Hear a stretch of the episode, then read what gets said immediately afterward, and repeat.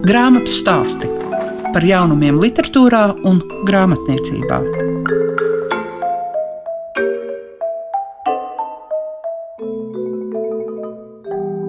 Esiet sveicināti visi tie, kas klausās grāmatu stāstus. Tātad esam kopīgi uz klasikas viļņa. Un šīs dienas raidījumā grāmatu stāsti, ko veidojas Liega Piešiņa, jūs dzirdēsiet Noru Ikstenu, kura iepazīstinās ar savu jaunāko veikumu, romānu Jona. Kā arī pievērsīsimies krājumam pieredze un redzējumi dzēniecei Veltai Sniķerei simts. Grāmatu stāsti programmā Klasika. Rakstnieces Noras Ikstenes pirmā darba vieta ir akurāt ar muzejs, vai tā?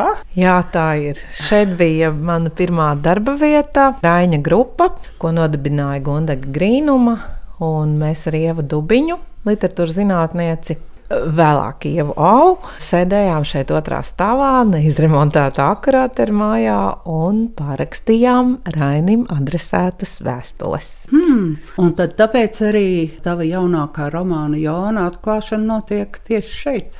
Jā, tāpēc, un tāpēc, ka vispār man ar šo māju saistās brīnišķīgas atmiņas. Šeit bija nieka un izprieces, šeit bija maldīgās romances.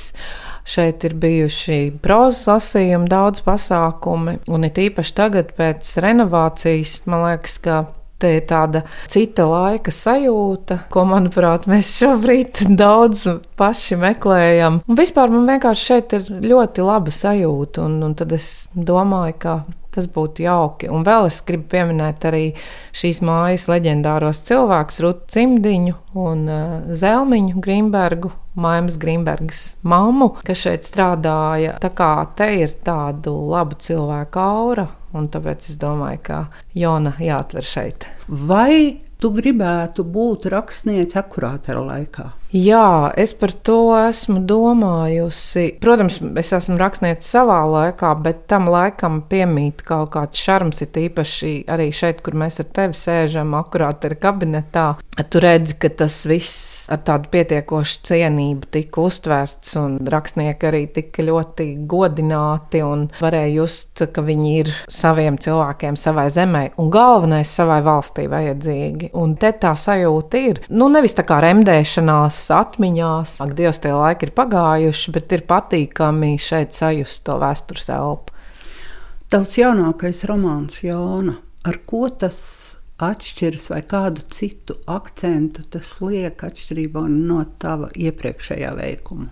Es domāju, ka vislielākā atšķirība ir tā, ka es eh, šo grāmatu uzrakstīju pēc klusēšanas gada. Klusēšanas ļoti daudzos līmeņos. Tā nebija tikai nu, tāda klusēšana, kas vienkārši nerakstīja, bet es tiešām atrados klusumā ar sevi. Man bija daudz kas jāpārdomā par savu tālāko dzīvi, vispār par būšanu šajā pasaulē. Un man liekas, ka tā sākot ar esēju, kas ir arī kā pēcvārds nodrukāta uh, romānā Jona. Pēc tam laikam tās slūžas atvērās vaļā, un Jona vai stāsts par zilo vali un Jonu. Nu, ne Jānu pats atnāca pie manis, bet atnāca un es to pierakstīju. Diezgan daudz pasaules literatūrā ir valis izmantots kā simbols. Kā tu to noraksturot no savas puses? Nu, interesanti, ka rakstnieka galvā dzimst kaut kāda ideja vai, vai varbūt fantāzija, par ko tu varētu rakstīt. Un tad, kad tas bija valis, es sāku interesēties tiešām par zilajiem vaļiem, kur ir ļoti labsirdīgi, vislielākie šajā pasaulē, mītošās dzīvās radības. Un tad, protams, es atcerējos, oh, Nu, bet mācīts pienā, tu pieminēji Mobiju Diku, kas arī ir grāmata par vali. Bet tur eh, tas kapteinis Ahaps ir apsēsts ar ideju vali noķert un nogalināt. Nu, šeit ir gluži citādi, kā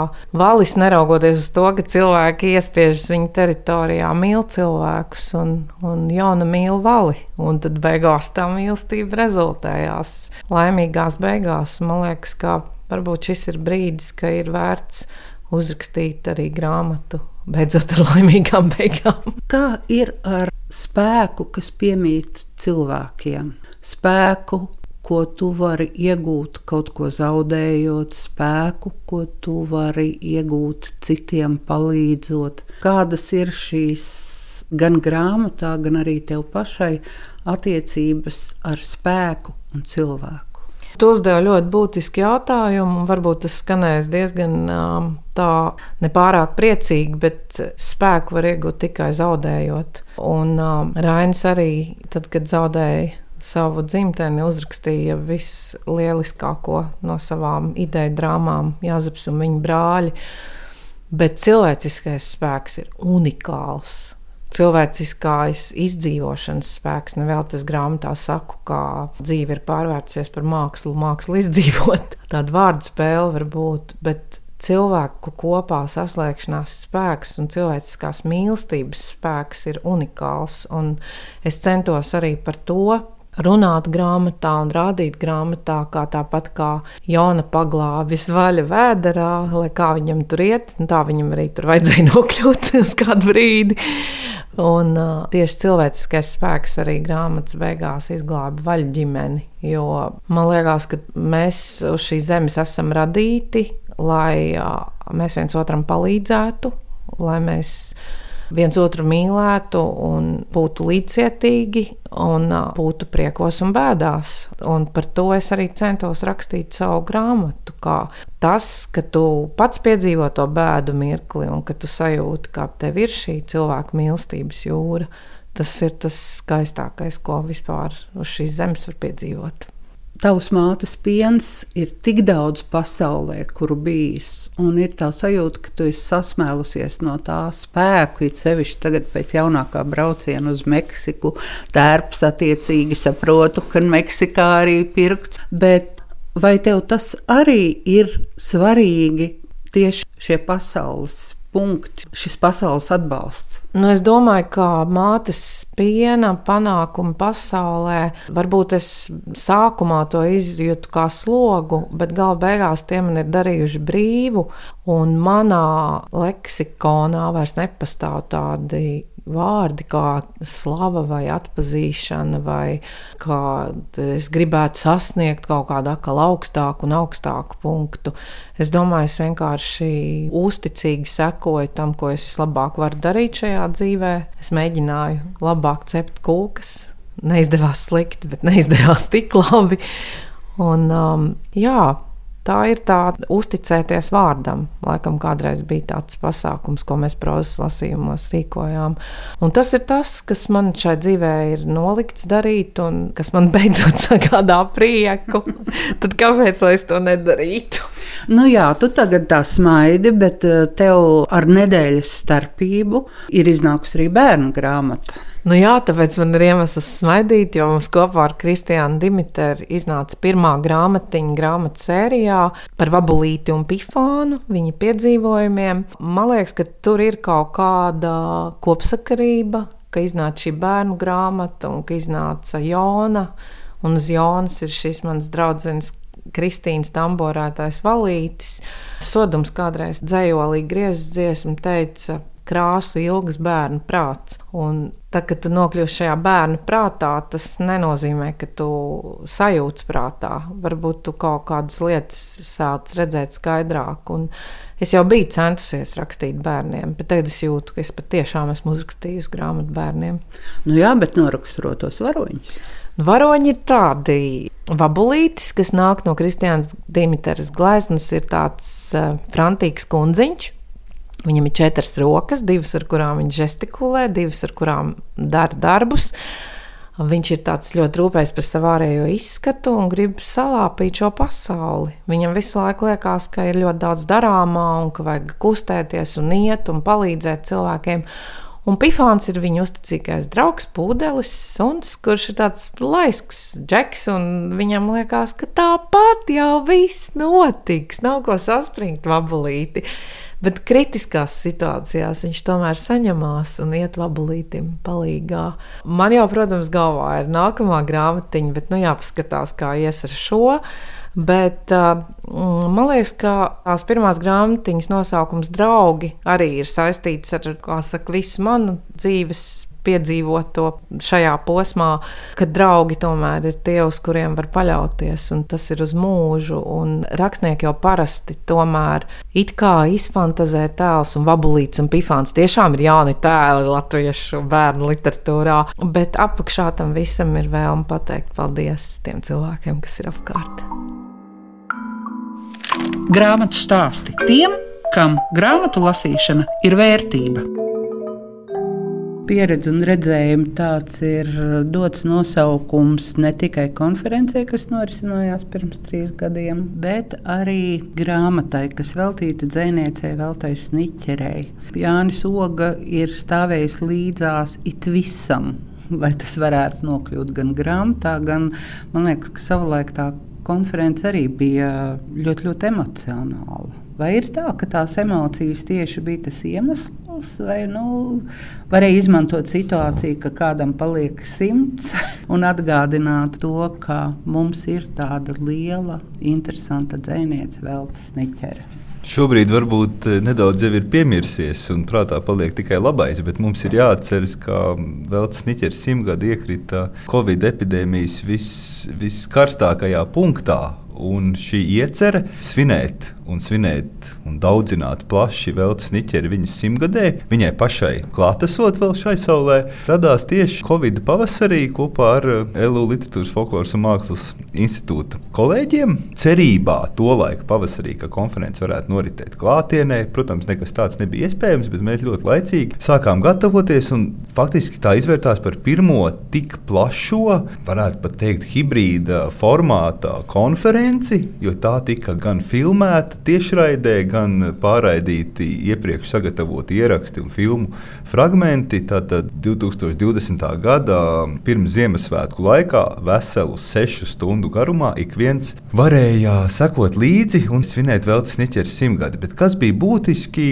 Un ko arī zināmā mērā atspoguļo šī grāmata un turpmākie pētījumi, jo šis ir tikai sākums. Pastāstīšu, kāpēc. Svinēt eh, Veltes Niķeres dzīves dažādās čautnes, jo latviešiem mēs zinām šo izcilo dzinieci, seriālisti, Veltes Niķeri, arī sabiedrisko darbinieci, kura visu mūžu ir nerimtīgi cīnījusies un sludinājusi Latvijas neatkarības vārdu, un arī viņai tāpēc bija aizliegts iebraukt Latvijā līdz pat 89. gadam. Bet otrs ir, ka Anglijā Veltes Niķeri kā dzinieci nezina gandrīz neviens.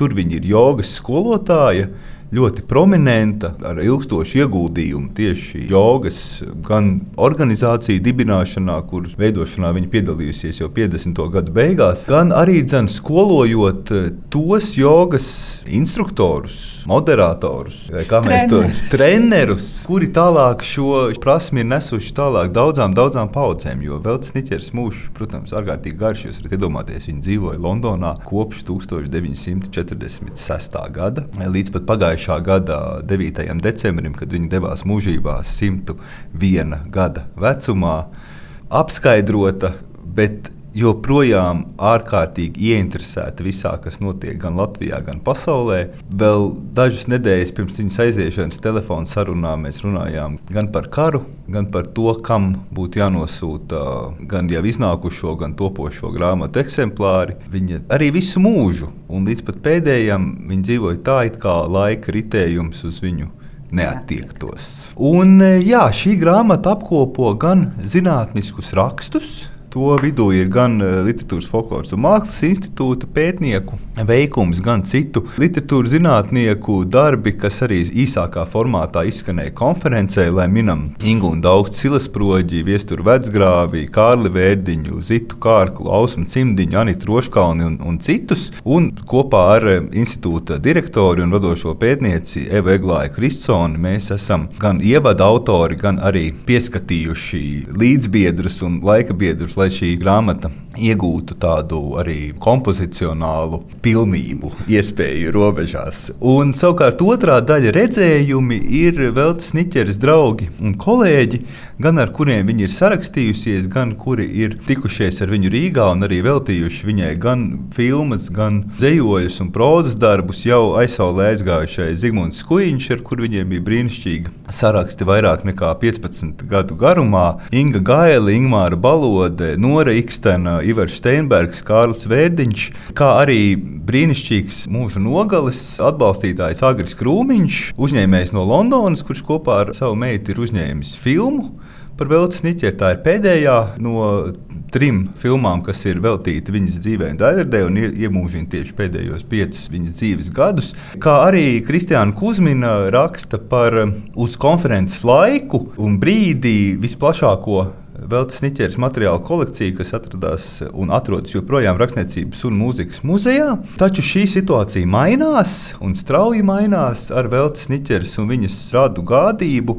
Veltes Niķers arhīvs ir atceļojis uz Rīgu. Tas ir ļoti apjomīgs, aptver gan šo jogas pusi, gan dzinieces darbību, gan sabiedrisko darbību, un glabāsies un būs pieejams Latvijas Universitātes akadēmiskās bibliotekas misiņa retumos. Katrā ziņā pirms pāris mēnešiem šī lielā krava, vairāk nekā 70 kastes no Londonas, ir sasniegusi Rīgu, un tagad darbs ir to apstrādāt un darīt pieejamu. Es domāju, ka tur atklāsies ļoti daudz īpašu arī vēl nezināmu faktu, gan fotografijas, gan manuskriptu. Jo vēl Sniķere pati bija ārkārtīgi paškritiska. Viņas dzīslas devums saliekams vienas nelielas grāmatas vākos, bet korespondence dažādi arī viņas sapņu pieraksti, sarunas, Rīgas apmeklējumu, dažādas piezīmes. Tas varētu mums ļaut palūkoties arī uz latviešu dzīvi Lielbritānijā un to, kā mēs viņas darbus uztveram šeit, tuvākajā laikā jau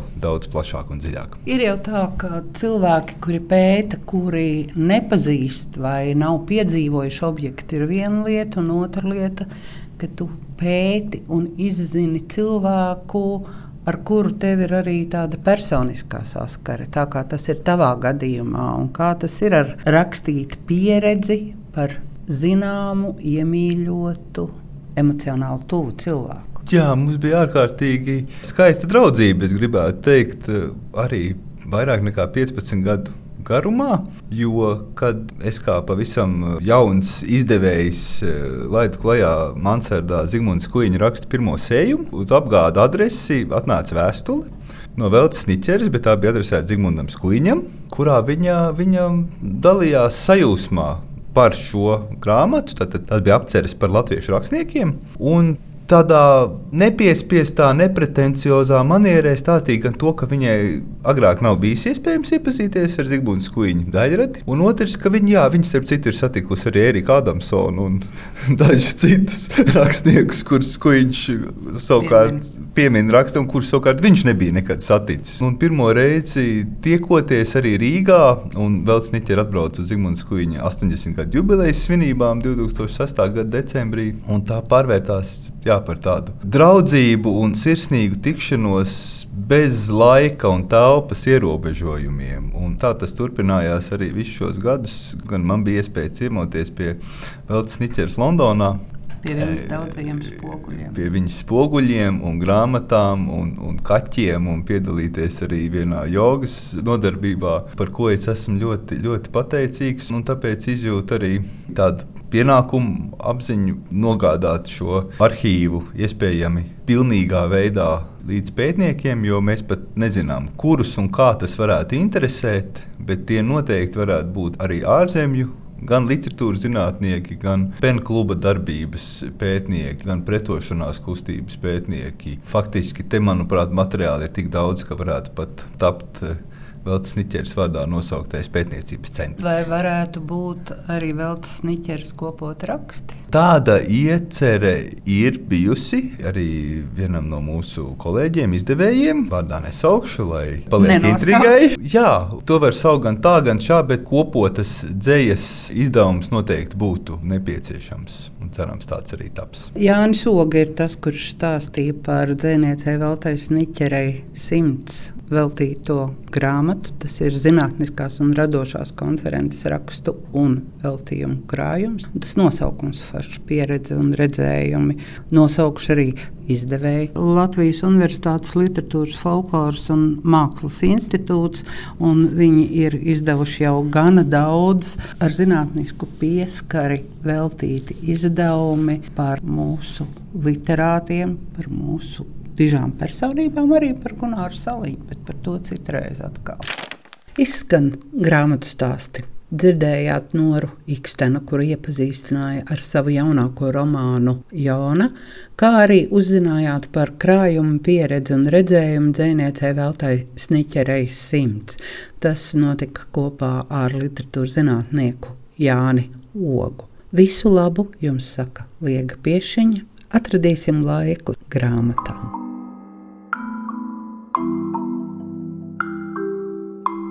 Grāmatu stāstu par jaunumiem literatūrā un grāmatniecībā ik trešdien, 9.5. ar atkārtojumu Svētdien, 18.15.